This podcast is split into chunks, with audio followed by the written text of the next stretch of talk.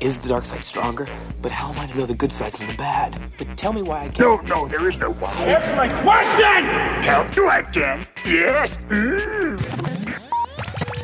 Hej och välkomna tillbaka till Rebellradions och Escapons frågestund. Eh, ni kanske redan hört del ett av det här och insåg att vi hade rätt mycket frågor och det tar ganska lång tid att svara på alla.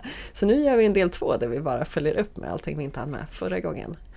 Eh, jag som pratar heter Hanna, eller Björken. Eh, med oss idag har vi också den andra Hanna, även kallad Granen. Hallå Hanna! Tjingeling! Vi har också Fredrik. Hej Fredrik! Hallå där! Linus är tillbaka igen. Hallå ja! Och idag har vi också Daniel här som inte varit med på länge. Hej Daniel! Hello there. Eh, dessvärre kunde Robert inte vara med idag men jag tror att vi klarar oss. Vi borde kunna svara på alla frågor ändå hoppas jag. Eh, är ni redo att köra igång? Jag har bara en fråga först. Ja? Var det din riktiga röst Daniel? Alltså var det du eller spelade du upp? Det var min röst. Det var... Åh. Snyggt. Hello there. Nej! Hello there. Oh my god. Okej. Jag är redo. ja. Eh, jag har slumpat eh, och den första som ska ställa en fråga är faktiskt jag. Eh, och jag tänkte ställa den här frågan till Fredrik. Vem skulle du vara i Star Wars och varför? Och här menar jag alltså, vem tror du att du hade varit? Vad för typ av roll, art, yrke och så vidare. inte just vem du skulle vara. Eller vem du skulle vilja vara. Ehm, jag gillar ju eh, ordning och reda. Så jag hade ju garanterat hamnat i Imperiet. eh, och jag tänker ju så här att eh, jag kan ju vara väldigt stolt när jag har gjort någonting bra. Eh, eh så, så jag blir ju säkert Krennic, tänker jag. Och så kommer någon annan rackare och tar åt sig all äran efteråt. Så. Uh, ja, Krennic. Okay. Ganska roligt för när du sa att du gillar ordning och reda så var jag helt säker på att du skulle säga C3PO. Ja, samma här. Aha. jag tänkte jag att du skulle jobba på GD-biblioteket faktiskt. Men tycker ni att jag är så jobbig? C3PO. Det är väl bättre att vara C3PO än att vara Krennic? Nej, ja, jag skulle nog... Jag tyckte det var ett bra val. Eh, Okej, okay, men en bonusfråga här. Jag vet inte om du är förberedd på det, men vem skulle du ha velat vara? Åh... Oh, um... Ja, men jag har ju alltid varit Team Luke. Mm, Okej, okay. så Luke Skywalker helst? Ja, ja. Men istället blev det Orson Krennic? ja. Det är okej, okay, det är okej. Nära nog. Nej. Bra, nästa fråga. Nu ska vi se. Det blir en lyssnarfråga. Eh, en fråga från Kim Karlsson. Vem i Rebellradion blir mest fnittrig och uppspelt så fort Star Wars nämns? Eh, den här tänkte jag passa till Linus. Ja, jo, jag har tänkt ganska hårt på den här. Eller ja, nej, lagom hårt har jag tänkt. Det känns som att de flesta av oss blir ganska uppspelta. Men mest typ så här fnittrig och förtjust. Jag tror nog, ni kanske inte håller med mig alls, men jag tror nog att det är Robert. Nu när han inte är här dessutom. Så men eh, jag tror att det är Robert. Han känns som att han alltid blir glad av alla nyheter som är Star relaterade Ja, men det var min första tanke. Ja, jag tänkte på Robert också först. Ja. Alltså jag vet inte, just fnittrig kanske, men han är ju generellt sett väldigt positiv till det. Sen kanske han kan vara liksom tveksam när det väl spelas ut, men generellt sett så liksom vill han ju alltid se det fina hos Star Wars på något sätt. Eh, så han är nog, ja, han blir nog oftast gladast, jag håller med. Svar godkänt. Vad skönt. Det här går jättebra, vi rusar igenom frågorna. Eh, nästa fråga är återigen en eh, lyssnarfråga från Fredrik Jonsson här. Den här tänkte jag passa till Hanna nu. Eh, står så här. Eh, ni vet när Kylo Ren är på Kijimi samtidigt som Ray är i Kylos lägenhet med stjärnjagaren så uppstår det en koppling mellan dem som gör att de kan slåss med varandra trots att de inte är på samma plats. Då är en delad fråga här. Eh, den första är, hur, hur föreställer ni er att det här ser ut för en utomstående? Och del två, tänk att ni är en stormsoldat som står på Kijimi och tittar på Kylo Ren. Ser ni Ray eller står Kylo Ren med sin ljussabel och viftar som en tok för sig själv? ja du Hanna, här vill jag inte bita i. Alltså, jag skulle ju vilja att det såg helt galet ut för en utomstående. Eh, att en utomstående bara ser personen som faktiskt är på plats. För att det skulle vara så himla absurt. Eh, och liksom de här första kopplingarna som eh, Kylie Ren och Ray har mellan varandra så får jag lite det intrycket att Alltså jag, jag vet inte, första gången så vet jag inte ens om de själva ser varandra eller om de mer känner att den andra på något sätt är närvarande. Eh, men ju fler gånger de har den här eh, kopplingen så känns det som att de mer och mer ser varandra och de kan ta på varandra och allt det där. Så att jag tänker mig nog ändå att en utomstående ser båda två. Eh, och då, alltså en utomstående som är där Ray är, ser Rays omgivningar och Kylo Ren. Och en utomstående som är där Kylo Ren är, ser hans omgivningar plus Ray. Så tänker jag. Tråkigt svar, för jag hade velat ha något spexigare, men ja. Men då har jag en fråga, den här planeten som där det är någon slags festival med halsbandet där. Eh, Just när det. han rycker åt sig halsbandet. Då ser ju hon honom, men det verkar ju liksom inte som någon i omgivningen ser honom. Hur hänger det ihop? Alltså det känns ju som samma kraftförmåga. Men är det inte att de är lite liksom, de håller på med annat? De har inte fokus där. Alltså för den här stormtroopern eh, som kommer in när eh, Ray och Kylo slåss. Han står ju där och så här, oj vad fan är det som händer här, hur kom hon hit? Ungefär tolka hans kroppsspråk Så man som. måste liksom vara Så lite det- fokuserad. Ja, jag tänker det. Någon annan som vill ha, no- ha som har något att tillägga? Ja, nej, men jag, jag tolkar det som att ingen annan eh, ser den andra personen. Och jag tolkar mer som att den där stormtroopen i, eh, i senaste filmen, Episod 9, som tittar på vad Kylo Ren håller på med, är lite mer eh, förvirrad över vad som pågår. Ja, det känns som att han, bevitt, han bevittnar den här fulla människan som inte kommer in någonstans på en fredagkväll som har druckit för mycket, som går runt och argumenterar med lyktstolpar.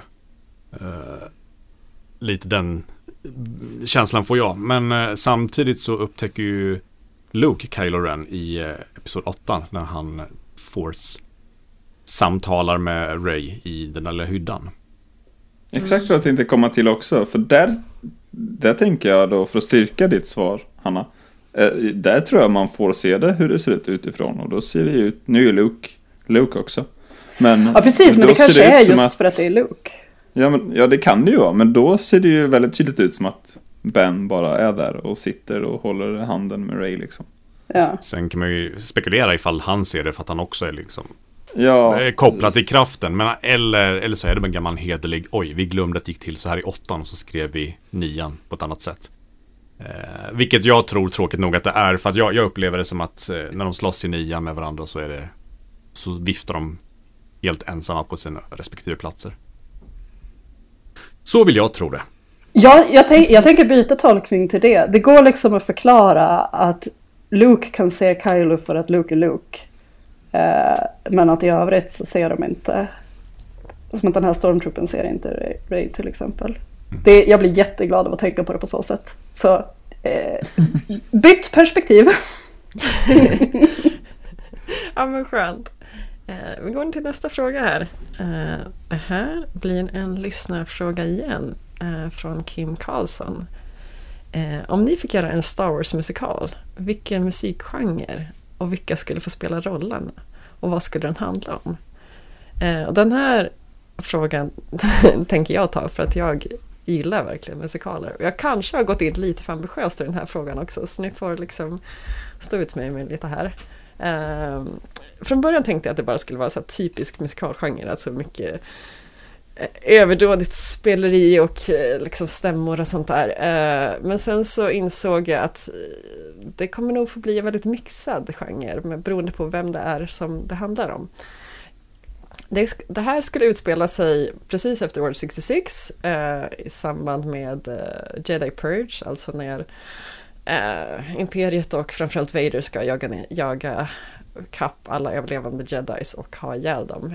Jag har pratat en del om det på sistone för jag är väldigt sugen på att få se mer om det. Eh, och här tänker jag att jag ska spela upp lite ljudklipp för er så att ni hänger med på det. Eh, så först och främst måste vi ha med Imperiet och Kejsaren.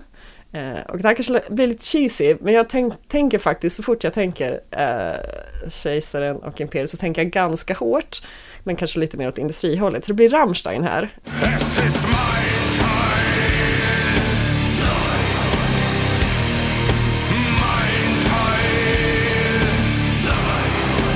Och förutom Imperiet så måste vi förstås ha Vader. Och Vader i det här tillståndet är ju sannolikt ganska plågad. Så jag tänker att han dels är Vader som dödar jedis. Eh, men sen kommer man liksom få se honom i en lite mjukare version eh, där han kanske på något sätt tar av sig masken och man får liksom, när han står på sin kammare så får man se honom sjunga för sig själv och då ser han plötsligt ut som Anakin. Det här är alltså musikalversionen av det hela. Eh, så då behövde jag ha en skådis eh, som kan köra både lite hårdare och lite mjukare eh, och det fick mig att tänka på Eh, nu kanske jag missar uttalet här, men Serge Tankian, alltså huvudsångaren i System of a Down. Eh, så nu ska jag få höra honom när han slår ner jedis här. Det låter ungefär så här.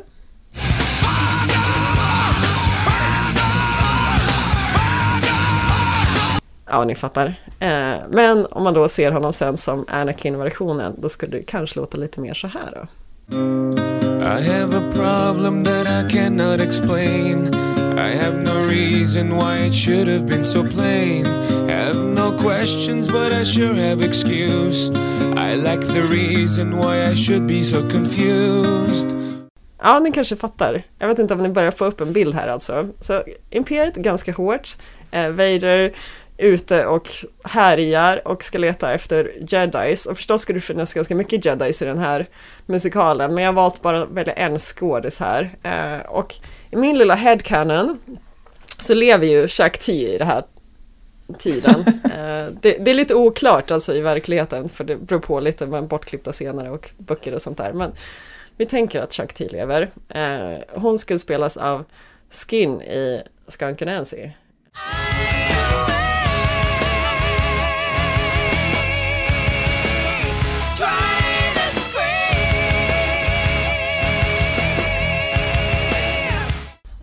Så där har vi Vader, Chuck T, eh, det är en stor fight. Eh, men självklart händer det mer saker framöver här. Eh, vi behöver ju en Obi-Wan. Eh, Obi-Wan är nog sannolikt också ganska deppig och desillusionerad men kanske också lite motiverad ändå. Här har jag valt kompositören Lin-Manuel Miranda som också Eh, kan sjunga rätt bra. Eh, mest för att jag älskar honom och han är ett geni och han borde vara med i allting som har med musikaler att göra så att han måste liksom tvingas med i det här. Eh, här har vi honom då. When I was 17 a hurricane destroyed my town I didn't drown I couldn't seem to die I wrote my way out Wrote everything down far as I could see det var Obi-Wan. Jag, jag, tror ju på honom här, jag vet inte om ni håller med. men, men börjar ni liksom få en bild av den här fantastiska musikalen som jag någon gång i framtiden kommer att spela in med de här stora artisterna? Alltså jag älskar att du har gjort ett så gediget arbete med så Jag är inte ens klar nu, jag har två bonusar här. så, jag kan ta popcorn, vänta. Det kallas andra och tredje akten. och här kommer vi faktiskt in lite grann i spoilerland. Så att ni som inte har sett Spo Clone Wars säsong 7. Jaha. Jag trodde du spoilervarnade för din musikal. Ifall man ville vänta till premiären. ja, det kan man, så kan man också se det. Men kanske mera för er som inte har sett Clone Wars säsong 7 så skulle jag vänta lite här. För att självklart, okej, okay, hoppar ni fram nu två minuter, ni som inte vill veta. Uh, självklart så måste vi också följa upp hur det går för Darth Maul och Asoka. Uh, eh, och Asoka i det här stadiet, hon kommer ju inte träffa Vader förrän många år senare. Så att hade hon fått vara liksom någon som konfronterar Vader, då hade det liksom kanske varit lite mer så överdådigt, kanske lite Beyoncé. Men hon är ju på jakt efter Darth Maul. För att det var hennes fel att Darth Maul flydde. Och Darth Maul å andra sidan, han kommer ju försöka bygga upp till den här maffiabossen och det är liksom lite underground och så vidare. Eh, vem vill ni ha först? Vill ni ha Asoka eller Darth Maul? Asoka. Darth Maul och Underground lät spännande annars. Okej, vi kör, vi kör, vi bygger upp det hela med Darth Maul först då. Eh, här behövde vi förstås ha lite hiphop inblandat i det hela. Det är en väldigt blandad musikal här. Eh, och sen försökte jag leta på den hiphopartist som jag tycker låter knasigast, för att Maul är ju ändå lite galen. Eh, så det blev Dizzy Rascal, så här låter det. Just on the break, I'm playing to the max. Just on the break, I'm playing, but I know. Gotta get money, gotta get a lot of gold. No less than a G for a show. Ain't got no love for a hack or a hoe. Do things I fleek with girls on the low. I get around new ways in the go, and I know I get around new ways in the rush. Alltså, Darth Ja. Maul blir en helt ny karaktär för mig nu. Skulle du höra, någon, höra någon skrika Kenobi? Ja, alltså jag har ju tagit med de här som klipp för ljuden, eller liksom deras röster. Sen tänker jag att jag kanske får skriva om eh, innehållet lite. Eh, jag hoppas att ni förstår det. Självklart kommer jag ha lite Obi-Wan och hans hämndlystnad i det hela.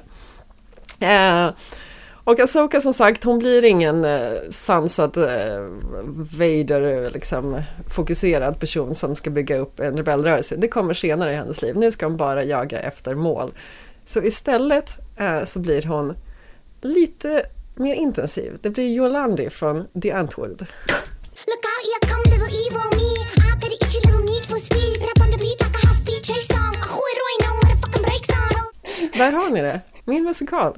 Star Wars. När har den premiär? Inga Jag spoilers. er. Vad sa du Linus? Nej, spoila inte bara. Jag vill inte höra mer nu. Jag tänker att det räcker. Nej, nej, nej. Ja, jag, ska, jag ska vara tyst nu, men jag vill att ni ska bygga upp det här och börja drömma om det. Kanske börja kickstarta någonting så att jag kan göra det här i verkligheten. Men jag tror på det här. Ja, det här, det här låter fantastiskt. Okej, nästa fråga. Den här gången är det Linus tur. Okej, då väljer jag Fredrik. Du samlar ju på böcker. Det är ju väl dokumenterat. Alla möjliga sorts böcker. Men, och jag vet också att du samlar på typ klisterböcker. Så därför har jag formulerat frågan så att vilken av alla skönlitterära Star Wars-böcker är absolut sämst och varför? Okej. Ehm, oj, nu ska jag vara lite så här kontroversiell. Uh, för jag vet att det är många som älskar den här boken. Uh, men Bloodlines hatar jag över allt annat. Det var starkt Tycker ord. Ja, Förklara det, dig. Det var det mildaste jag kunde komma på. nej, men, nej, men jag, jag tycker att den är öh, tråkig och innehållslös.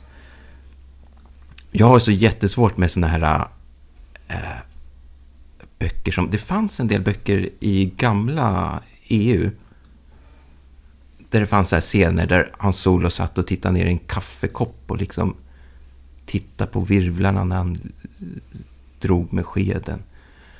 Och det blir så här, det, det, det här är inte Star Wars för mig. Och det är samma sak i, i Bloodlines. Det finns säkert två scener där de beställer nudlar liksom och står och tittar i det där paketet. Bara.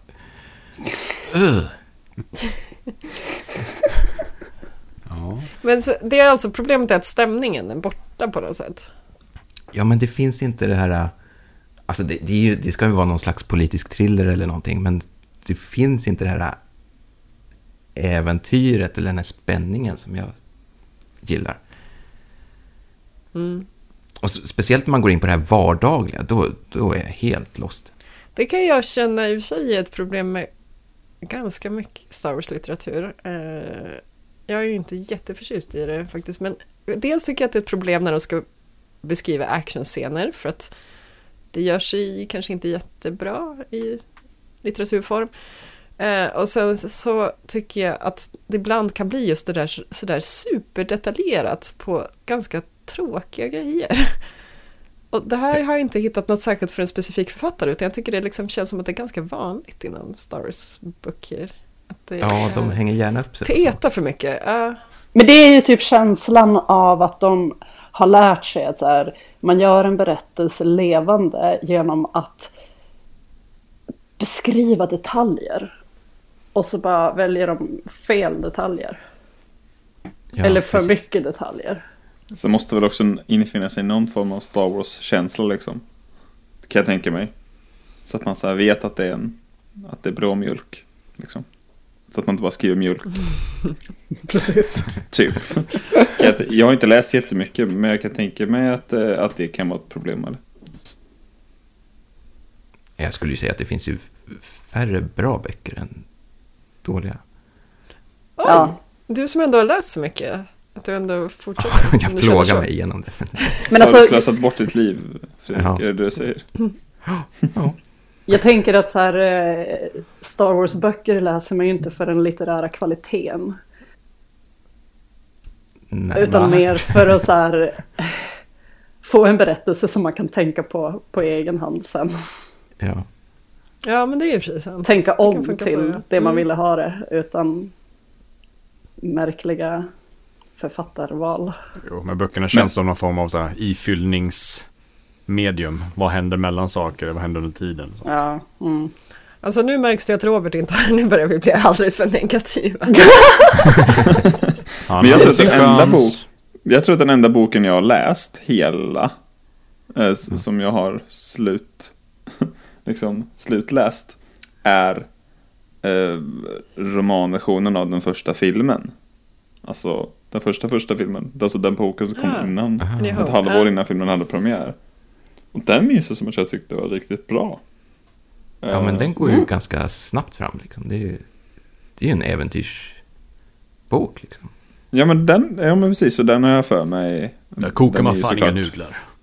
Nej, jag har fan ont om nudlar där. Men, men, men den minns jag att jag gillade just att, eh, att Star Wars-känslan infann sig på ett ganska bra sätt och att även actionscenerna var förhållandevis, liksom, för att vara action i en bok, liksom, var rätt bra. Men eh, ja, å andra sidan så vet jag ju exakt hur, så här så spelar man ju säkert filmen i huvudet samtidigt så då blir det kanske lite roligare, jag vet inte. Men eh, den framstår ju som en bra eh, bok. Alltså även om det inte var Star Wars för mig. Så har inte jag läst jätte- jättemycket böcker i mina dagar. Men... Vänta, var det inte Star Wars för dig? Jo, jo, men jag menar alltså Star Wars eller inte så kändes det ändå som en rätt Jaha, ja, Så ja du menar så. Mm. välskriven bok. Så, så här. Ingen som vinner Nobelpriset men den var ändå så här. Det var ju roligt liksom. Eh, och på tal om att lägga mycket tid på saker här eh, så har vi en lyssnarfråga igen. Eh, Fredrik Jonsson undrar vad spenderar ni för mycket tid på? Och här tänker jag att vi får gå laget runt. Eh, Granen, vill du börja? Alltså jag brukar ju generellt tycka att jag spenderar för mycket tid på jobbet. För att jag tycker att fritid är alltid det mest eftersträvansvärda. Men jag kan inte ens säga att jag spenderar för mycket tid på jobbet nu. För dels är jag tjänstledig på 20% och sen är jag permitterad på 20%. Eh, så jag tror att jag har lyxen att jag känner inte att jag spenderar för mycket tid på någonting. Sen spenderar jag mycket tid på saker men är det liksom självvalt för att man tycker så himla mycket om det så tycker inte jag att det kan vara för mycket. Ja, men skönt. Ja. Så du är den enda som är glad nu. Jag är supernöjd. Nej, nej, okej, nej, jag har faktiskt en sak. Jag spenderar för mycket tid med att vara förkyld. Jag är jättebra på att bli smittad när folk är förkylda och det är så frustrerande. Ah. Då är det i och för sig bra om det är mycket hemmajobb nu kanske. Ja, jo det är bra. Eh, ja, vad ska vi se här? Linus, vad spenderar du för mycket tid på? Hmm, jag tänkte först att jag skulle svara något Star Wars-relaterat. Men jag kom inte på något. Eh, så återigen då. Tur kanske att Robert inte är här. Men jag tycker jag spenderar för mycket tid på tåg. Ehm, och pendlar för mycket. Vad tar det? Nu är det ju, skolan är ju stängd och så. Men annars så pendlar jag väl nästan fyra timmar om dagen. Lägger på pendling. Oj, Och fy. Att det är mycket. Men bara Ja. nästan fyra timmar. Vad Eh. lägger du de timmarna på? Det vad är helt olika. Eh, ibland sover jag i kapp. Eh, och ibland så jobbar jag med någonting eller lyssnar på någonting som jag ska lyssna på. Eller skriver på någonting jag ska skriva på. Eller tittar på någonting jag ska titta på. Typ. Jag kollade till exempel på några Clone Wars avsnitt någon gång inför någon av våra poddar. Ja, just det. Och har också gjort precis ingenting på tåget. Det beror lite på humör. Du skulle ju ha en chans att läsa ikapp lite Star Wars-böcker nu då. Ja, det skulle jag definitivt ha tid för att göra. Det är inte mitt problem. Att jag inte har tid att läsa böcker, det har jag verkligen. Nej. Eh, Daniel? Spenderar mest tid på. Förutom att älta och att slå i smalbenet i lådor som inte skjuts in. Eh. Jag lever med tre människor som är väldigt korta. De lämnar lådor öppna och jag tittar inte neråt när jag går. Så att jag går in i små eh, lådor och allt möjligt. Så när jag ältat om det, så var min första hobby. Eh, jag vet inte, Star Wars-relaterat eller verkar livet relaterat? Ta verkligen livet kanske. Verkliga livet? Nej, alltså, jag jobbar ganska mycket. Jag jag jobbar med min hobby så att det, det blir svårt att hitta gränsen vart jobbet slutar och går. För att det här var någonting jag gjorde på fritiden för att det var kul. Och det är jättekonstigt att sluta göra någonting man tycker är kul bara för att man har avslutat För att man får betalt för det. Ja, nej, men så här, ja, nu ska du sluta för klockan är fem. Ja, vad gör jag nu på min fritid? Jag går väl göra någonting liknande igen eftersom det är det jag gjorde när jag hade fritid förut.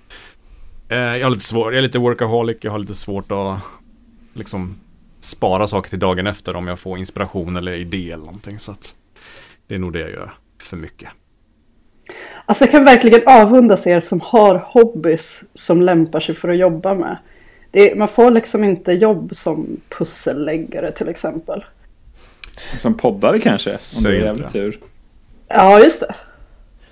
Jo, prata kan man ju. Mm. Eh, Fredrik, vad lägger du för mycket tid på? Klisterböcker. ja. Jag- skrev ju en gång på chatten, jag var helt förtvivlad att jag börjat samla på de här jäkla... Jag minns det, för jag gillade din formulering så mycket. Du skrev, då var det officiellt, jag hatar mig själv. Ja, ja det, det, det är hemskt. Alltså. Vad var ditt mål från början? Att samla all, alla Star Wars-böcker? Ja, från början var, var det liksom alla, alla svenska Star Wars-böcker. Eh, Och sen så började jag inse att det fanns vissa pysselböcker som räknades som riktiga böcker. Och- då blev jag så här, men ska jag bara samla på vissa pysselböcker då? Nej, det går ju inte. Då måste jag ta alla som finns. Eh, så det är det du lägger för mycket tid på, eller har du någonting annat också? Ja, eh, ja alltså så här tråkigt svar, det är ju så här att man... ugh. jag klagar alltid på att jag får diska och städa och... ugh. eh, och så... Jag kanske tittar lite för mycket på tv. Så här helt onödig, onödiga program. Sånt som inte ger dig så mycket. Ja, där man liksom hade kunnat istället, jag vet inte, spela något kul spel eller läsa en bok. Apropå att ditt samlande kanske du ska kolla på den här guld... eh, Vad den nu heter. Guldfeber, guld... Ja, den har jag redan sett. Ja, okej. Ja. Kände du dig träffad? Ja. Vad är det för någonting? Det handlar om en man som han är direktör på Kungliga Myntkabinettet och, stjäl en massa mynt och säljer dem. Ja, okej. Ah, ja. För att man blir galen om man samlar. Eh, nu ska vi se. Ja, just det. Jag kan säga att det jag spenderar för mycket tid på är väl att göra miniatyrmöbler. Det tar helt sjukt mycket längre tid än vad man tror att det borde göra. Eh, det är kul men eh, ja, tidskrävande. Hur, hur hittar du den hobbyn? Eh, Eller är- är det ett jobb nu? det är inte ett jobb. Eh, det, nej, jag, skulle, jag köpte ett gammalt dockskåp till min dotter när hon skulle bli stora syster så att hon skulle ha någonting att göra när hon var hemma mycket från förskolan. Eh, och det hade lite möbler i sig men jag insåg att det liksom saknades rätt mycket så jag började bygga ihop lite grejer som skulle gå att leka med. Eh, som hon skulle ha, alltså lite sängar och sånt där så det fanns någonting. Eh, och sen när, ja, när hennes lillebror var född och jag började få ändå lite tid på dagarna när han sov och hon gick på förskolan ibland. Eh, så började jag göra möbler för min egen skull men som inte behövde vara lektåliga. Som var, och det var ju mycket, mycket roligare. För då kunde de vara mycket nättare. Men jag vet ju inte riktigt hur man gör så jag måste ju konstruera allting från grunden och liksom designa dem själv från början och det är det som tar tid. Eh, det är kul men eh, ja, li- lite galet tidskrävande. Eh, ja, nästa fråga då. Den här gången är det Fredrik som ska få ställa en fråga. Oj. Eh. Vi tar till granen. Yeah. Eh, I filmerna har vi sett eh, jedi-riddare göra saker och påverka sin omgivning eh, på sätt som är mindre ädla. Eh, hur långt kan en jedi-riddare gå innan den faller till den mörka sidan? Alltså, när du ställer den här frågan till mig, vet du att det här är en fråga som jag har tampats med sen jämt? Det kändes som en fråga som skulle passa dig. Ja, Fredrik gillar inte bara tv och klistermärkeböcker, han gillar att avlyssna sina vänner också på fritiden. ja just det. Nej, men det här är någonting som jag har haft mycket problem med och jag tror att det har att göra med liksom den barnhjärna som jag besatt eh, när jag tittade på Star Wars första gången. Jag tror kanske inte att jag skulle ha haft samma problem om jag hade sett det i vuxen ålder. Men eh, om man kollar på originaltrilogin eh, så när Luke ska läras upp av Yoda så pratar Yoda mycket om att ja, liksom hålla sig på den ljusa sidan och saker som leder över till den mörka sidan. Eh, som Luke går emot. Eh, och då varje gång det händer så liksom som barn så tänkte jag, nej men nu gör han inte som Yoda säger, nu kommer han falla till den mörka sidan. Och sen så gjorde han aldrig det.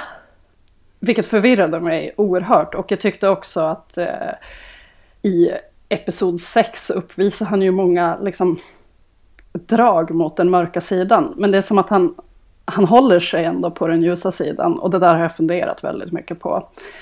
Eh, och tror att jag då har kommit fram till att det kanske inte bara är ens handlingar utan också ett val man gör. Eh, eller att man genom mörka handlingar lockar till sig den mörka sidan av kraften. Eh, men hinner man avbryta sin mörka handling i tid så hinner inte den mörka sidan få fäste. Jag tror att det var ungefär så jag resonerade. Eh, och det tycker jag att Anakin i prequel-trilogin både stödjer och motsäger. För att han gör mörka saker. Han, han dödar Dooku, pang tjoff, vilket känns väldigt mörkt. Varför faller inte han till den mörka sidan direkt det händer? När han väl faller så är det i samband med att han dödar Mace Windu istället, vilket jag inte tycker är en lika mörk situation. Men det blir som på något sätt att det var droppen som fick honom att bli mörk. Så att mitt svar på den här frågan är, jag har ingen jävla aning hur långt en jedi-riddare kan gå innan den faller till den mörka sidan, för jag begriper inte det här. Okej. Det, kä- det känns som att så här, det, hur långt den kan gå verkar bero lite på vad det är för berättelse man vill berätta. Ja, men det är en skitsvår fråga. Ja, det är ju det. Men jag tror också, alltså jag tycker det väldigt mycket är from a certain point of view också. För jag är väldigt skeptisk till mycket vad jedis gör i the name of the good. Eh, Ja, För jag tycker liksom bara mind control och springa runt och pilla i folks medvetande är lite av eh, hjärnvåldtäkt. ja men Eh, eller hur? Men man får det låta så charmigt bara, ho, ho, jag fick stormtroopen att bli lite koko och göra tvärtom och göra som jag vill. Men man bara, ja men du gick in och petade i hans hjärna och liksom kontrollerar honom. Eller henne, whatever.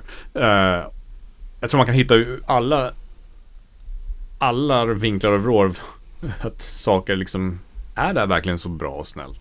Ja men det kanske är det också som gör det så himla svårt att säga vad kan en jedi-riddare göra innan att falla till den mörka sidan. För att även den ljusa sidans handlingar är jävligt tveksamma emellanåt. Ja. Den stora skillnaden ligger väl i var- hur man använder saken. Är det i försvar eller attack? Liksom, började du eller började jag? Mm. Också. Nästa fråga är, är ni redo? Mm. Okej, en fråga som jag ska ställa här. Eh, Jag ställer den till Daniel. Eh, Du pratade lite om ditt jobb och du jobbar ju faktiskt med ljud. Eh, Så min fråga är, vilka är dina topp tre ljud i Star Wars? Om du vill ha med ljussabelljudet med på den här listan, då måste du göra en topp fem istället. Okej, Jag ska inte ha ljussabelljudet med mig. Eh, Det är ett coolt ljud. Mm. Det finns många coola ljud. Och eh, det här, det här är en ganska svår fråga eftersom eh, jag förmodligen inte hade jobbat med det jag jobbar med om det inte hade varit för Ben Burt och Star Wars. Så att, ehm, jag kan ta dem lite ur perspektiv hur jag tänker och varför jag tycker mitt jobb är så roligt. Vad de här ljuden liksom gör. Alltså ett favoritljud som jag oftast, eller många gånger pratat om när det blivit sammanhang i sammanhanget vad är favoritljud när vi har snackat förut har ju varit eh, kranen i, eh, på Bespin som eh, sätter igång, eller ett kranljud när eh, Hans Solo ska frysas ner i Carboniten.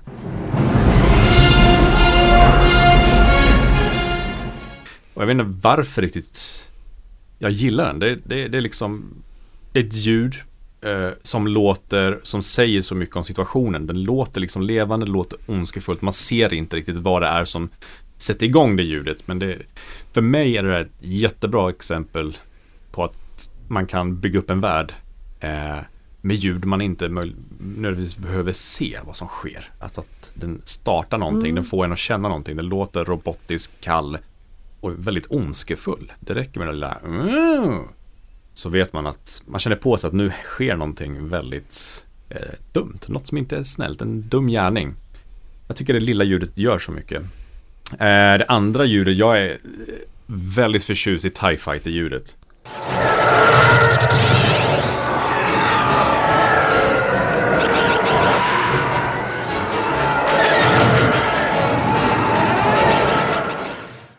Förutom att det är ett väldigt coolt skepp, jag har alltid gillat TIE Fighters, så tycker jag det eh, ännu en gång visar vad coolt man kan göra med ett ljud. Eh, med enkla medel, för ett TIE Fighter-ljud är ju ett, ett, ett elefantvrål som är nedpitchat, som har saktats ner. Mhm. Jag har hört att det är kombinationen av elefantvrål och ljudet av bildäck på våt asfalt. Ja, jag tror asfaltgrejen är vissa sådana flybys när de flyger förbi eller någonting. Men jag tror själva just motorljudet är... Är, okej. eh, jag är inte helt hundra, men jag tror det var så att eh, eh, ett nedpitchat elefantvrål. Och jag har dubbelkollat det genom att själv ta och pitcha ner elefantvrål och då får jag TIE Fighter-ljud. Så det, det är ett väldigt simpelt sätt att kunna manipulera ljud och det är en sån här grej som verkligen fick mig att fastna för det här yrket. Hur man kan leka runt med ljud och eh, skapa något nytt. För det är, det är ikoniskt ljudet, alla vet ju hur en TIE Fighter låter. Man känner igen, hör man ljudet så vet man direkt vad det är. Eh, Det sista ljudet är eh, AT-AT Blasten.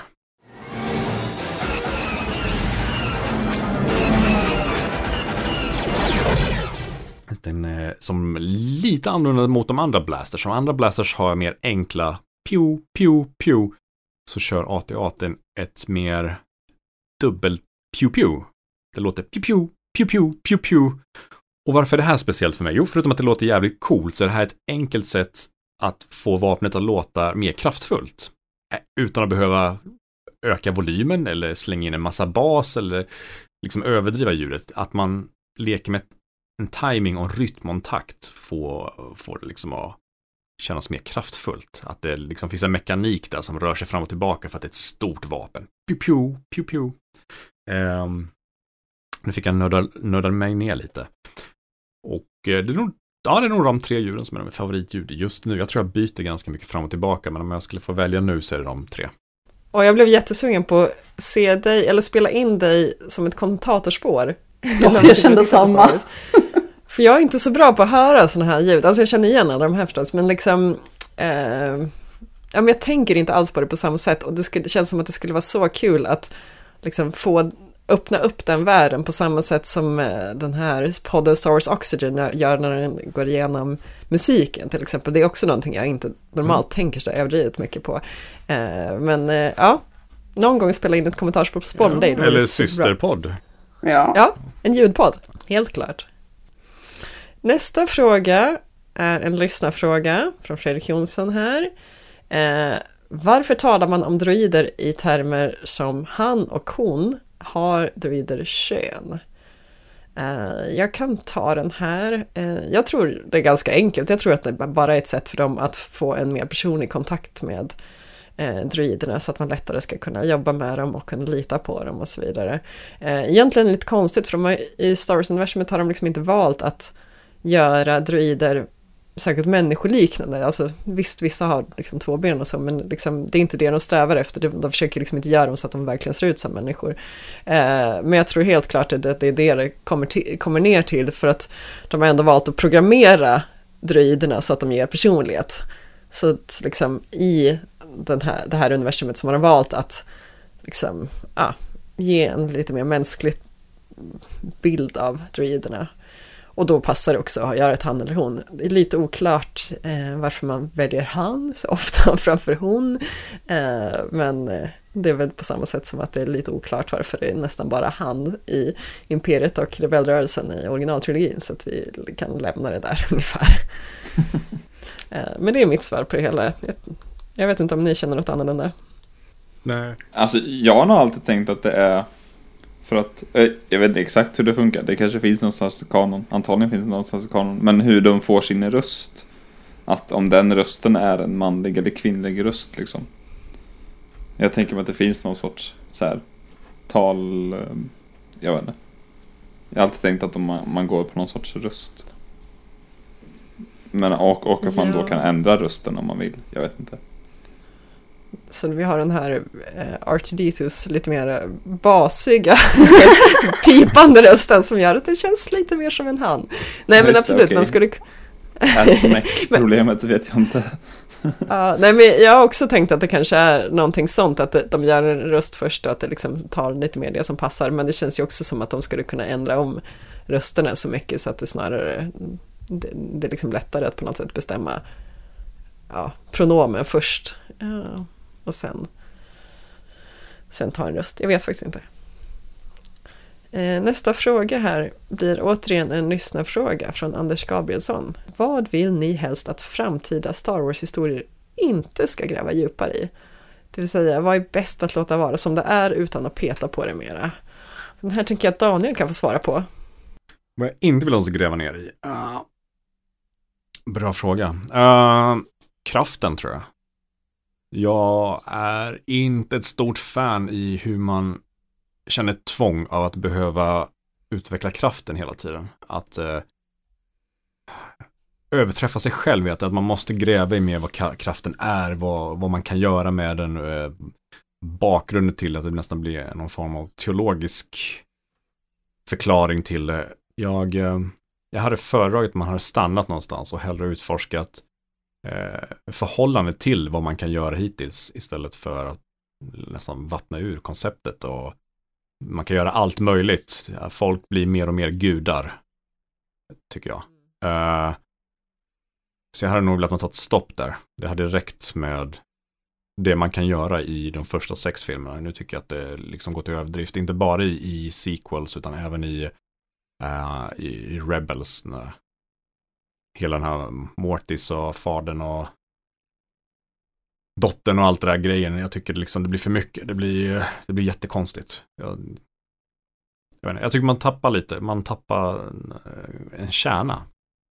När man liksom spretar åt alla håll nu. Det är svårt att få något vettigt av det. För att nu öppnar man upp dörrar till att det kan leda till vad som helst. Nu kan man liksom flumma ut hur mycket man vill och då känner jag att det, nej, det får räcka.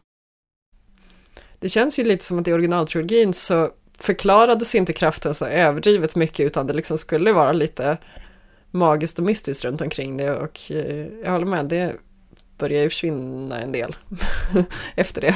Men då hamnar man i problemet också att nästa person som introduceras för att den personen ska kännas speciell och bra, då måste den personen, då måste man pusha vidare på det här med kraftgrejen. Varför har man inte sett de tidigare karaktärerna göra något liknande? Nu måste man, eh, den nya förmågan måste nästan vara over the top hela tiden. Eh, Mm. Och jag tycker att då försvinner lite känslan av de gamla mästarna till exempel, att de var kraftfulla nog för att hela tiden blir nästa person ännu kraftfullare. Men det blir så stora steg mellan vad de gjorde, de förra gjorde, till vad de nya gjorde. Eh, jag tycker det är ett problem. Om ni förstår hur jag menar. Jag håller med. Man flyttar, man flyttar på gränsen hela tiden, framåt. Eh, nästa fråga här då. Nu är det dags för Linus att ställa en till fråga. Ja, äntligen. Okej. Ehm, men då kan jag ställa en fråga till Granen. Känns som att det var länge sedan du fick svara på en fråga. Jaha. Ehm, eller kanske inte var, jag tror det. Ehm, och jag har valt att formulera följande fråga. Animerade Star Wars-filmer på Disney Plus är väl en tidsfråga. Vad är du sugen på då? Mm. Jag tror att jag är ett ganska enkelt fan på det viset. Att jag... eh, Vill ha en musikal? Ja men gud, det vill jag ha. Det vill jag ha. E- en musikal eh, där eh, Björken har bestämt vilka genrer de olika karaktärerna ska ha och Daniel står för ljuddesignen. Så får det bli.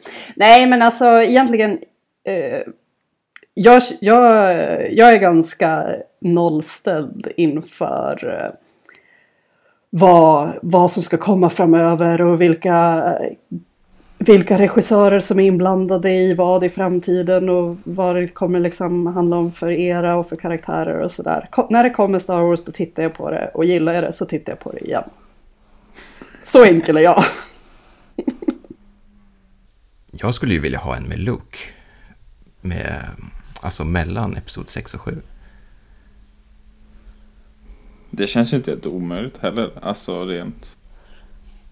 Alltså det känns ju som ett hål som är jättestort som de borde fylla i. Jag har inte sett Resistance, men de, de gräver väl inte så mycket i sånt va? Nej, inte alls tror jag. Är Luke med i Resistance överhuvudtaget? Nej. Skulle du vilja ha något som spänner hela vägen från Episod 6 till 7 eller ett nedslag någon, på något specifikt? Eh, oj, det skulle ju vara jättespännande om man hade en som spände hela... Det är ju typ 30 år. Ja, men varför inte? Ja, kanske så här lite antologiaktigt. Ja. Jag ville ha kanske. Lando och Luke jagar olika mördare. Det var ju skitkul. Som han de har jagat. Eller Lando säger väl det. Ja, vi jagade Ochi. Ehm, Just säger de i Episod 9. Sjukt låter inte det eller? ja. Eh, ja, nästa fråga. Eh, den här gången är det Hanna, du som ska ställa frågan. All right. Då eh, så vill jag fråga Daniel. Vem är din karaktär, ka- favoritkaraktär och varför?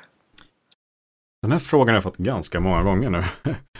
eh, av många människor. Och alla, alla tänker ju att det måste ju vara Vader. För jag klädde ut mig till honom för att jag mm, nämnde honom ganska mycket och sådär. Men eh, jag skulle nog säga faktiskt att Palpatine är min favoritkaraktär.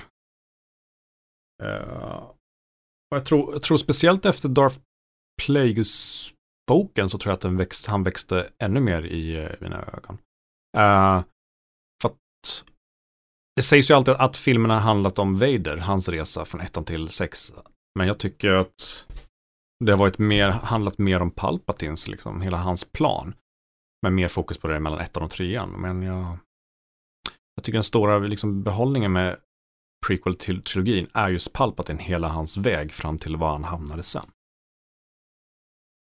Uh, ja, och så jag är glad att han, även om jag inte är jättesuperförtjust i nian, så är jag glad att Palpatine kom tillbaka, för på något sätt så sydde det ihop eh, filmerna, eftersom för mig handlar det mer om Palpatine än Vader.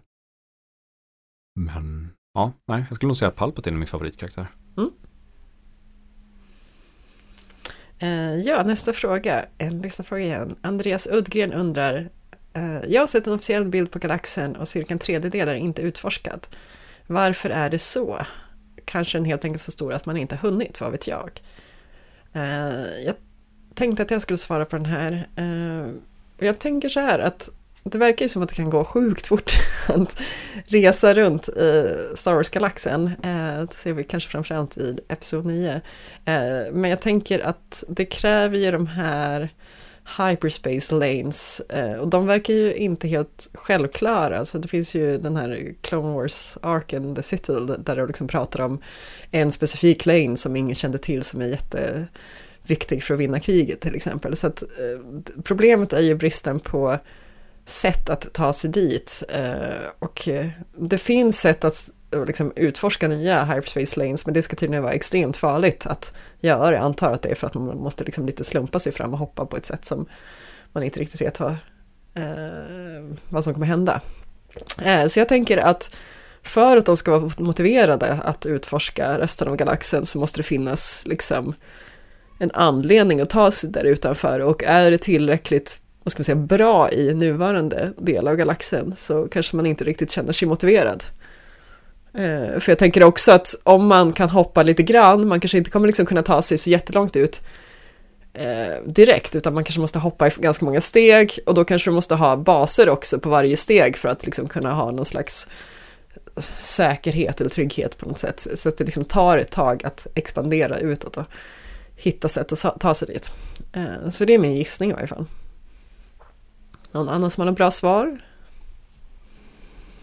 Huh. Nej. Men det låter ju ganska, det låter ju som en förklaring som även skulle kunna ges av en karaktär i Star Wars. Så här, ja visst, men vi kan inte komma dit liksom. Uh, så att jag köper den. Så länge man säger saker tillräckligt säkert så tror folk på det. Som man retconar hela Star Wars. Eh, nästa fråga här. Eh, det är Fredriks tur att ställa en fråga. Då frågar jag Daniel. Åh. Ja, eh, du får välja en Star Wars-berättelse. Alla. Bok, serie eller spel. Från Canon eller Legends. som ska filmatiseras med eh, blockbuster-budget. Okej. Eh, vad väljer du? Och bonuspoäng om du väljer någonting utöver Knights of the Old Republic och Plagueis. Då är det din lyckodag. Jag tänker inte välja någon av dem. Ehm, jag, Det är din lyckodag för det är du som får extra poäng. jag velar lite. För att jag... Det första jag tänkte på var Force Unleashed. Jag gillar den historien. Men jag är en av typen att har det redan berättats i ett annat medie så känner jag att jag har svårt att se något liknande igen. Eh, speciellt när det är så utbrett som ett spel som man kan berätta en historia ganska länge. Och det även finns två spel. Så jag skulle vilja ha, mm, även om jag inte gillar flyg och rymdscenerna så jättemycket så är jag väldigt nyfiken på uh, Rogue Squadron. Som det finns ett antal spel på. Uh, jag skulle vilja se ett gäng X-Wing som gör uppdrag, hamnar i knipa och dynamiken mellan dem. Jag tror man skulle kunna... Var det film eller serie du sa? Filmatisering eller? Eh, ja, film, film, men det, det går väl bra. En serie skulle ju funka bra, men film också skulle jag tänka mig. Liksom. Kanske inte Top Gun-anda, men ja, nej, men en, eh, en Rogue Squadron film. Ja, det tror jag. Det, det är någonting. Det, det, är tillräckligt långt borta från det vi allting vi redan fått. För nu har vi fått massa, massa jedis, vi har fått uh, spionthriller, matinéäventyr och sen har vi fått The Lone Gunman. Så att jag testar med en ny genre. Flyg. Flyggenre. Flygplansgenre eller flygskeppsgenre. Whatever vi vill kalla det. Ja, bra svar. Mm. Jag skulle gå igång hur mycket som helst på det. Jag hoppas det. Jag skriver den för dig. Men det var i Lucas sista film på Lucasfilm. Eller sista långfilm i alla fall. Nej, han gjorde en animerad till kanske. Men hans sista långfilm som han producerade så hette ju Red Tails. Som handlar om ett gäng pil eh, piloter under andra världskriget. Mm. Så jag tror att han hade nog... Han hade gillat din film Daniel. jo, ja. Det är bundisar. Han gillar det. Ja, ja det är hans idé. Jag är även mytoman. Nästa fråga här. Den här är en jag som ska ställa till Linus. Tänk dig att vi alla som pratar här är jedis. Eh, vilka skulle vi vara? Och här kan du antingen välja liksom kända jedis, alltså specifika namn, eller bara typiska jedi-roller, alltså till exempel den som faller till den mörka sidan, den som bryter reglerna, den som leder eller så vidare. Den var extra svår den här frågan just för att jag och Robert är mitt i våra prequel-poddar och konstaterar om vartannat att Jedi-riddarna faktiskt är riktiga as allihop. Och nu ska, nu ska du eh, bara, ja! förklara vilka as vi är. Hoppas ni inte har lyssnat på senaste avsnittet. Nej, men... Uh, åh, jag tycker det är skitsvårt. Välj noga. Den enda av er jag har träffat är ju Fredrik. Ehm, men jag uppfattar definitivt som att Daniel har en rebellisk sida. Mhm. Eh, jag, Eh, jag borde ju avbryta det här snart. Innan jag Oj, vad klockan blir mycket. Eh, nej men så, så du känns väl som någon som skulle kunna bryta reglerna lite mer än andra. Som Qui-Gon Jinn kanske är väl ett bra exempel. Mm. Eh, I'm Liam Neeson. nej, det är inte så dumt i och för sig. Det är Nej, skönt jag- att du såg det på det sättet. Can't you Ehm, see this boy is chosen one? Jag tycker det är svårast med, med granen. Ja, vi har inte eh, poddat ihop så jättemycket. Nej. Ehm, men jag vet inte. Det känns ju... Hmm, det, det här är konstig radiounderhållning för övrigt. Men... eh, jag vet inte. Någon, av någon anledning så... eh, jag- jag vill säga Kiadim Mandi. Är jag det? Eh, ja, ja, jag tror det. Ballt. Eller? Ja, Okej, vad skönt att du tog det på ett bra sätt. Nej men han, är så här rak och ärlig och snäll. Men kan ändå vara lite så här. Han bullshittar inte i onödan. Men han tycker ändå det är kul. Men han kan ändå kaxa lite med Anakin och Asoka i det här Landing at Point Rain avsnittet. Det tyckte jag var kul att han har lite edge. Ehm, och det trodde jag inte. Så du kanske, och jag tänker att du kanske också har lite edge om jag träffar dig någon gång. Det vore ju kul. Han har en ståtlig panna och ett fint skägg. Jag är. Robert kändes ganska, han kändes enklast för att han eh, är så himla eh, så här, enkel och snäll och lätt att ha att göra med. Så då tänkte jag på Obi-Wan eller Plo Koon direkt. Eh, utan egentligen kunna motivera det så mycket längre än så. Men eh, Betyder det att jag är Roberts mästare? det låter bra va? Ja. I'm fine. nu Eh, finns det inspelat. Hör du det Robert? Sen så har vi då Hanna och Fredrik kvar. Det var jobbigt om jag glömde någon. Ehm, Ja, du måste ju säga dig själv också. och jävlar, jag glömmer alltid mig själv. Just det, mig själv också. Uh, okej, nej men okej, jag tror att Fredrik. Vi har ju träffats så det borde ju vara enklast egentligen. Men då får jag ju istället eh, liksom prestationsångest här nu för att du måste säga någonting bra. Men du känns som den äldre Obi-Wan. Alltså originaltrilogi Obi-Wan. Det känns som att du alltid så här, du pratar bara när du har någonting jättesmart att säga. Annars får, så här, snacka skit för andra att göra. Så här, du är inte så jätteintresserad av vad Han Solo och Chewie liksom snackar för skit. Utan du säger bara något smart. Och sen så får de vara tjuriga över det en stund. Typ. Jag är nöjd. Jaha, vad skönt. Och det var ju ärofyllt. Ja. Och sen Björken. Då har vi bara dig och mig kvar då i och för sig. Mm, mm, mm, mm. Du känns ju också som att... ehm, Gud vad skumt det här är förresten.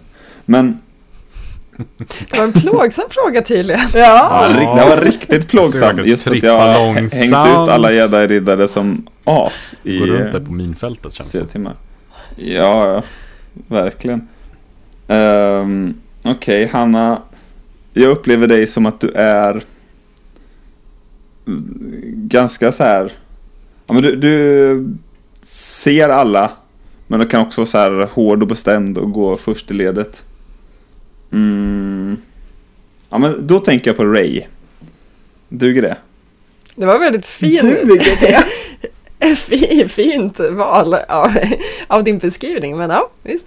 Det blir jättebra. Oj, hon lät nästan för nöjd. Jag får ändra. Ehm, Nu gjorde du fel. Nej, men jag, jag tänkte att någon som, eh, jag tänker att Ray i sig är, eh, hon är mer diplomatisk än jag är kanske. Ja, eh, ja, vi får väl se när vi träffas någon gång kanske. ja, just det. Det var, eh, jag inser också att beskrivningen också går in på Pong Krell. Så jag vet inte, det kan du... Nej men gud. Åh fy fan krälljävel. En Ray Krell mashup. Men eh, mig själv, men det är ju skitsvårt. Vad tycker jag om att göra? Eh, komma med idéer. Eh, så här. Jag måste ju ta någon som är mycket yngre än er. Det är ju roligt. Någon av younglings. Ja, jag vill ju gärna vara som Asoka men det tror jag inte att jag Jag är. kastar Jag vet nu. inte. Kastar, ja men det är nog mer min. Nej, min favorit. Ja, nu vet jag. Jag vet inte ens vad han heter. Eh, vad heter han i Clone Wars som Asoka har något avsnitt med som har, hans lasersvärd är en käpp. Du vet när hon tappar bort sitt lasersvärd. Heter han, är det han som är Sinubi? Eller är det någon annan? Just det, jo det är det nog. Okej, han vill jag vara. Ja, du dig gammal? Shinobi. Ja, nej jag vet inte om jag känner mig gammal nödvändigtvis, men det är med att han, eh, jag tycker han har en skön inställning. Lugn, det är liksom, det är lugnt och fint, avslappnad. Eh, ja, nej, han vill jag vara. Och schysst svärd också. Ja, det var kämpigt för dig, men vi tog oss igenom. Eller du Ja. tog dig igenom. eh, Hanna, jag tänker att du ska få en liknande fråga här i samma stil. Oj, oj, oj. Också från mig då. Eh, och det här är ingen Star Wars-koppling då, eh, men den har lite samma tema som den förra frågan.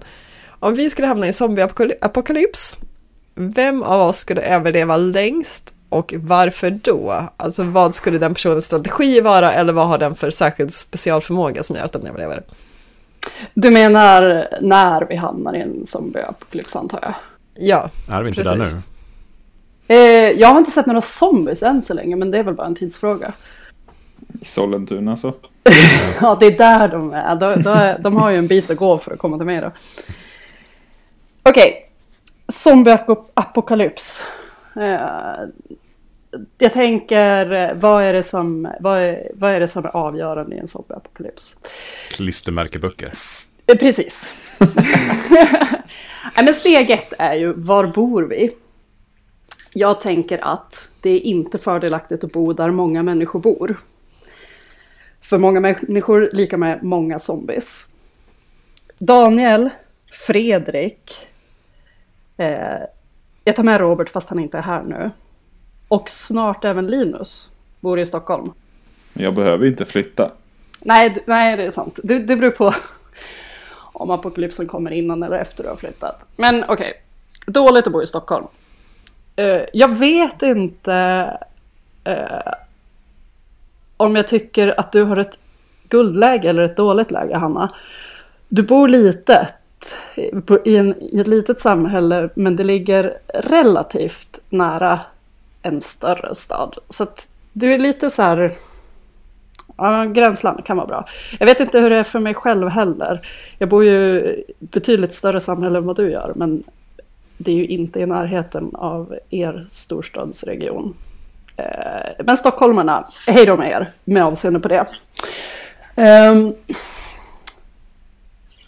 Sen tänker jag också, det är bra att vara uthållig, att besitta en cykel.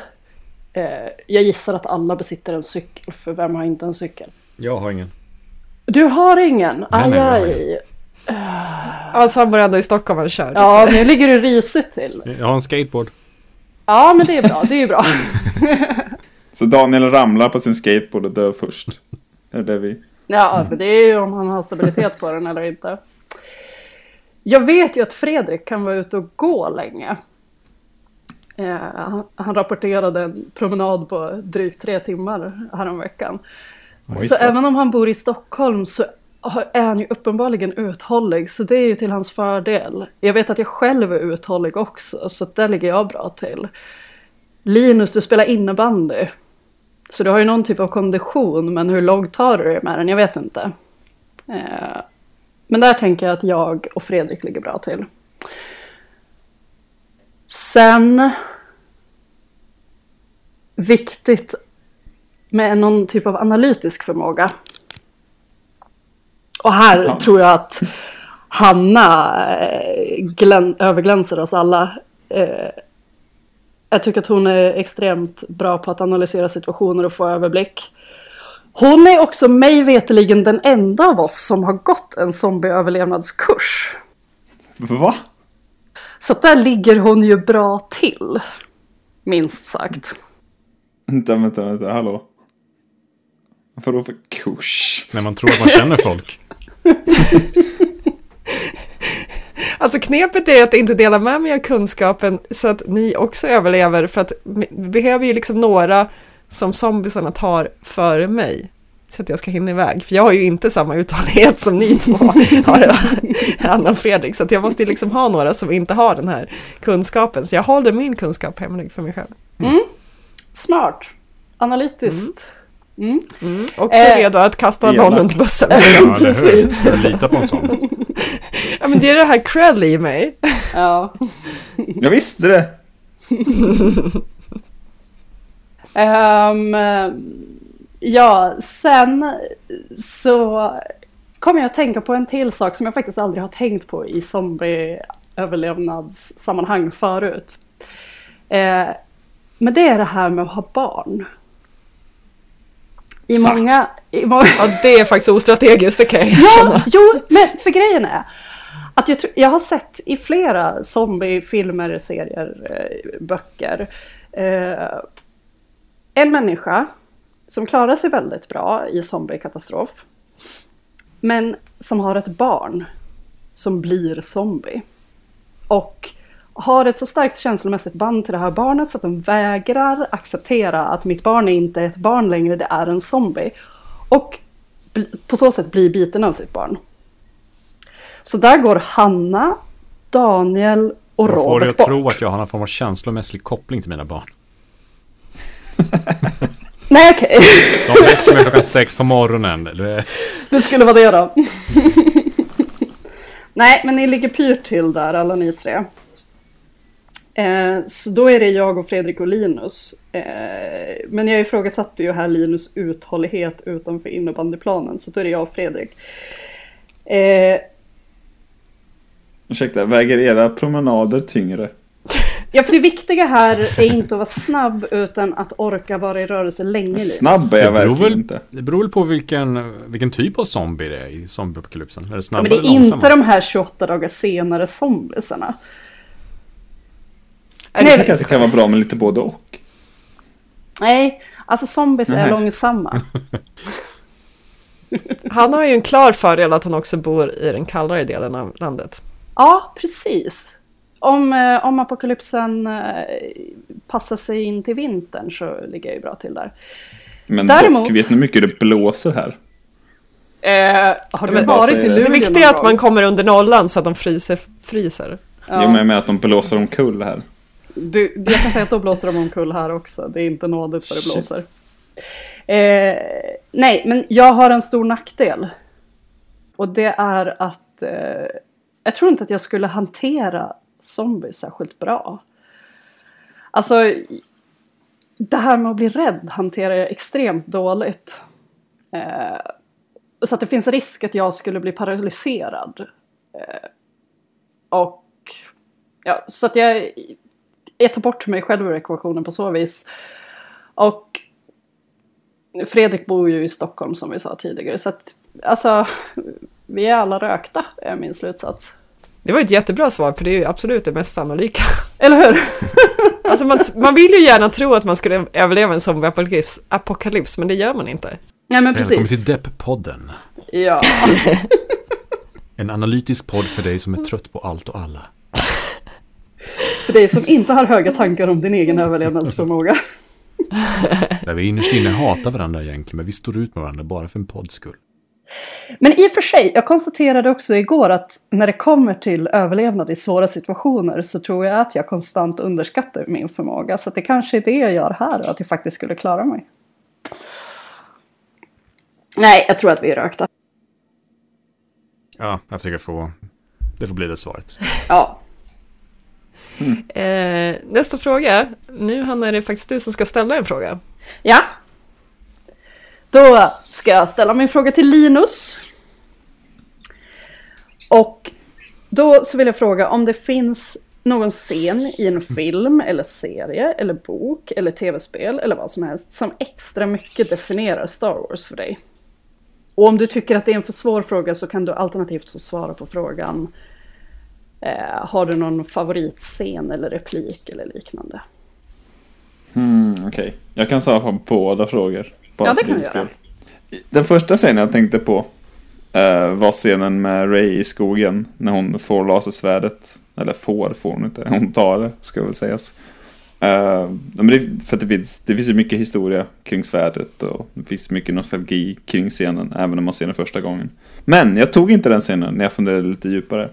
Utan jag funderade, eller jag valde den scenen som vi redan har pratat lite om i episod 3 när Anakin har ihjäl, eller? Eh, Mace Window och eh, blir Palpatins, eller Darth Sidious nya Sith-lärling.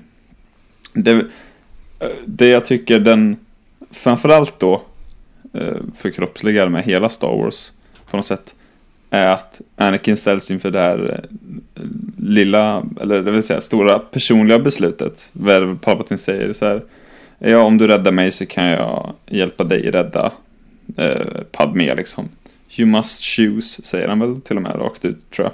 Inte jättesubtilt berättande här, men ehm, och han tvingas då ta det här eh, personliga eh, valet som sedan har enorma konsekvenser för hela galaxen i stort liksom. Och det tycker jag väl på något vis är Star Wars eh, definierat nästan. Familjeproblem som har eh, konsekvenser för hela galaxen. Så den scenen valde jag. Är det också din favoritscen? Nej, det är det inte. Men eh, jag, jag, jag kan ta favoritreplik. Mm. Eh, och det är faktiskt också från Episod 3. Och det är Obi-Wan Kenobi som säger när skeppet går av på mitten i början, eller i, ja, det är väl typ 40 minuter in kanske, eller halvtimme eller någonting. När de ska kraschlanda på Coruscant. Så säger Obi-Wan, not to worry, we're still flying half a ship. Det tycker jag är rätt kul. Mm. Eller? Är- Är inte det rätt roligt? Ja. Det är också som... Åh, jag nästan styrker min egen teori om att Robert är lite som Obi-Wan. Att han alltid är positiv. Och vad händer med Obi-Wan? Eh, han dör förr eller senare, eller vad menar du? Men det ska vi alla. Han klarar sig längre än Qui-Gon Jinn, om det var det du var ute efter. Hans positiva sida gjorde att han blev en liten filt kvar på marken, höll jag. Ja, jo, i och för sig. En filt, ja. En lagfilt eller rock eller badrock eller... Finns ju värre saker att vara än en filt, tänker jag spontant. Nästa fråga. Eh, Linus, du ska få ställa en fråga. Ja, jag väl bara till dig kvar va? Ja, det har jag tror jag. Eh, om inte Star Wars, vilken annan geek-franchise skulle du då podda om? Alien, eller? Trodde jag då, gissar jag. Eh, ja, jag har mycket Alien i huvudet just nu, men jag tror inte att jag skulle vilja podda om det. Eh, alltså, jag insåg faktiskt att Star Wars är ju liksom ingen unik hobby för mig egentligen. Alltså, jag gillar Star Wars, men jag har ganska många olika grejer. Och, och egentligen en annan anledning till att jag just poddar om det här, det är ju för att eh, det är ju för att Robert har drivit på det så bra och för att jag tycker att det är kul att prata med er. Eh, så att eh, det är där det liksom särskiljer sig. Jag tänker att jag skulle kunna podda om lite vad som helst. Eh, jag kom på tre grejer jag skulle kunna ta. Vi kan ta ni kan få rösta sen om vilken ni, ni skulle välja av de här tre. Den första är, eller egentligen alla är baserade på vad som händer just nu. Den första är baserad på att alla sitter och tittar på massa tv-serier och streamar och grejer just nu. Och det skulle vara att man kör en Battlestar Galactica-podd där vi ser om BSG eller ser den för första gången och bara myser i den världen. Jag har aldrig så här, sett det. För att det är härligt. Ja men så där, du skulle ju behöva den här podden. Ehm, och den andra skulle vara en Drakborgen-podd. Drakborgen är ett spel som snart kommer att, ni, kommer att nylanseras, eh, verkar det som. Är det sant? Eh, det är, ja, det finns en Kickstarter för det och det ser ut att gå väldigt, väldigt bra för den. Det här är ett så här gammalt kultspel som jag spelade otroligt mycket när jag gick på mellanstadiet. Alltså vi pratar om kanske en gång per dag med mina kompisar. Eh, och är känt för att vara fantastiskt svårt. Eh, jag tror att det kanske är under 20% som klarar sig genom det här spelet utan, utan att dö. Jag har Eh, spelat det, finns med liksom- min farmor och farfar. Se där, Ja. det var avancerat. Det ganska, ganska Jul, eh, nu är det jul, nu ska vi spela någonting alla tillsammans. vi tar det här spelet så alla dör. Ja. Eh, nej men det finns liksom bra, bra flow i det, det finns mycket så komiska element i det just när folk dör. Det skulle vara intressant att eh, jag tänker att det här kanske också blir streaming och inte bara en podd då, men eh, det skulle vara intressant att också spela med helt nybörjare som inte alls har en aning om så här hur man bör göra som bäst, alltså som väljer så här den riktigt, riktigt crappiga riddarån som karaktär och dör liksom efter två turer eller någonting sånt, eller någon som försöker anfalla ett bergstroll. Eh, så det här skulle också vara en ganska så här mysig liten podd där man bara satt och spelade och eh, eh hånade varandra när de dog ungefär. Eh, den tredje poddförslaget jag har tänker jag skulle heta Skrubbsår och skulle handla om en, eh, ja, en tvåbarnsmamma som bor i en liten håla utanför Uppsala som ska lära sig åka skateboard.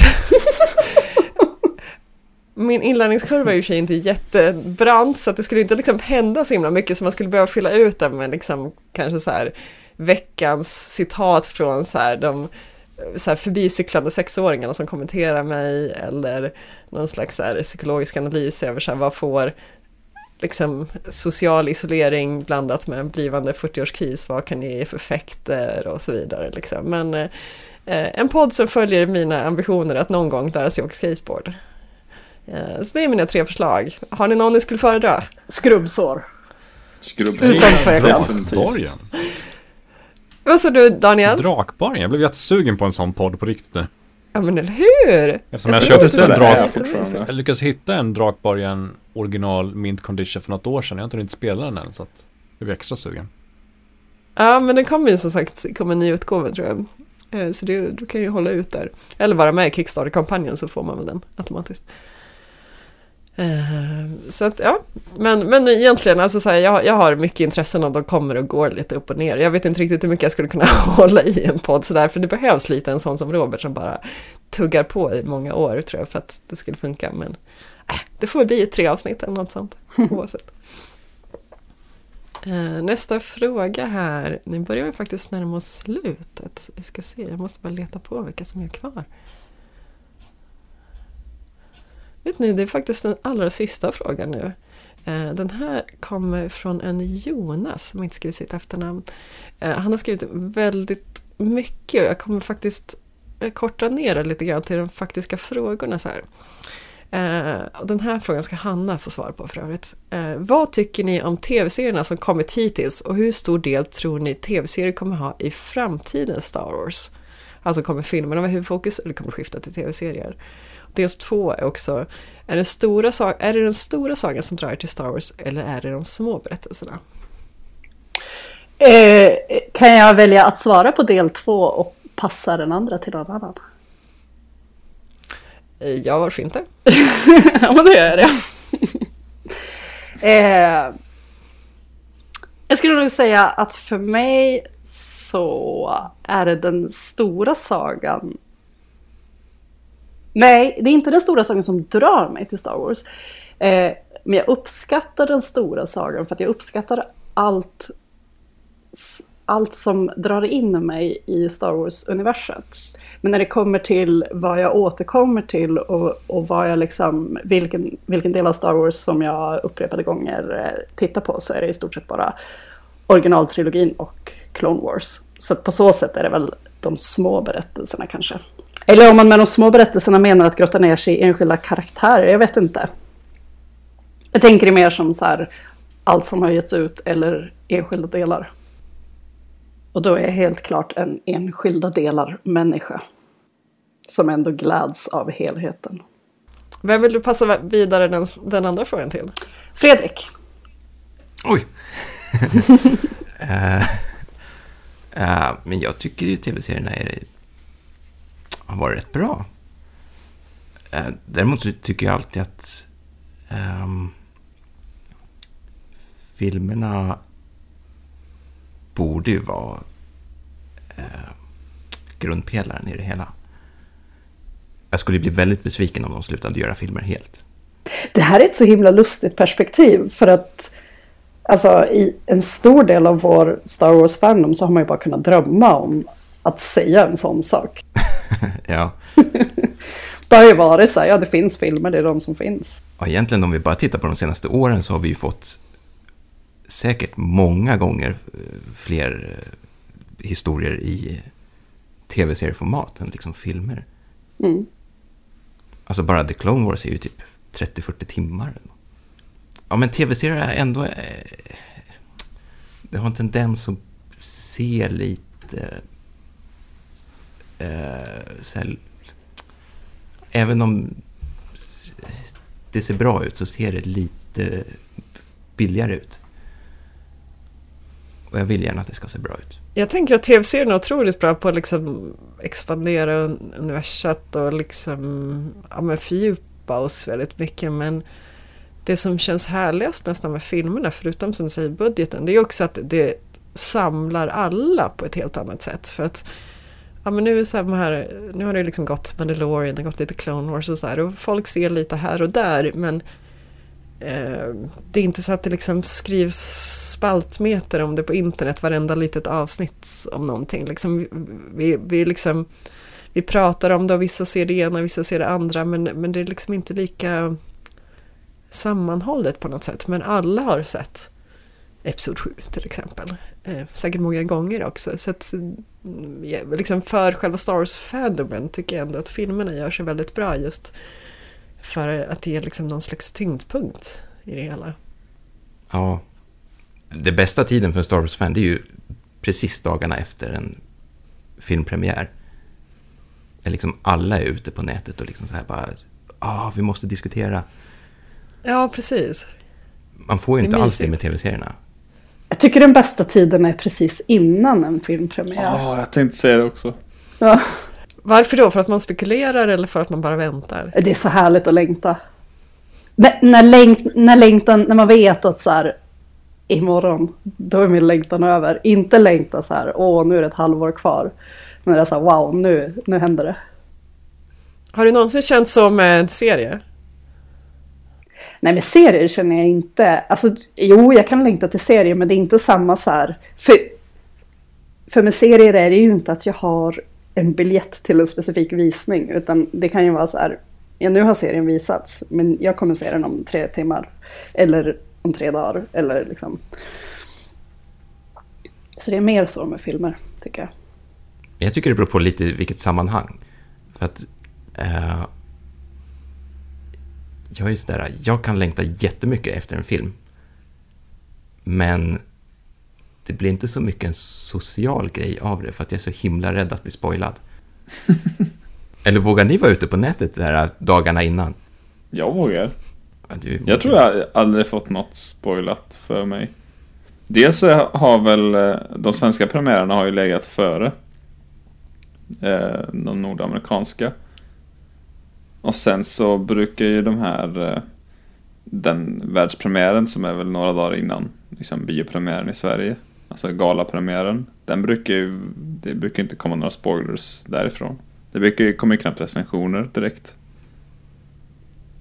Men eh, ja, nej, jag, jag är inte sky för det. Däremot eh, på dagen så är det vissa som går liksom på visning 10 på morgonen och om jag själv ska gå på kvällen då håller jag mig undan från Twitter och sånt. Men inte dagarna innan brukar jag Nej, det brukar inte behövas i min uppfattning. Sen beror det sig lite på vart man är. Man behöver kanske inte googla liksom. Episode 9, spoilers. Men, eh, men om bara bläddra igenom typ Facebook och Twitter, inga konstigheter för mig i alla fall. Hörni, jag tror vi har tagit igenom alla frågor nu. Eh, bra kämpat! Tack. Och tack igen alla ni som har skickat in frågor. Det var jättekul att höra vad ni hade att fundera kring. Eh, men ja, ha det så bra allihopa. Hej då! Hej då! Hej då.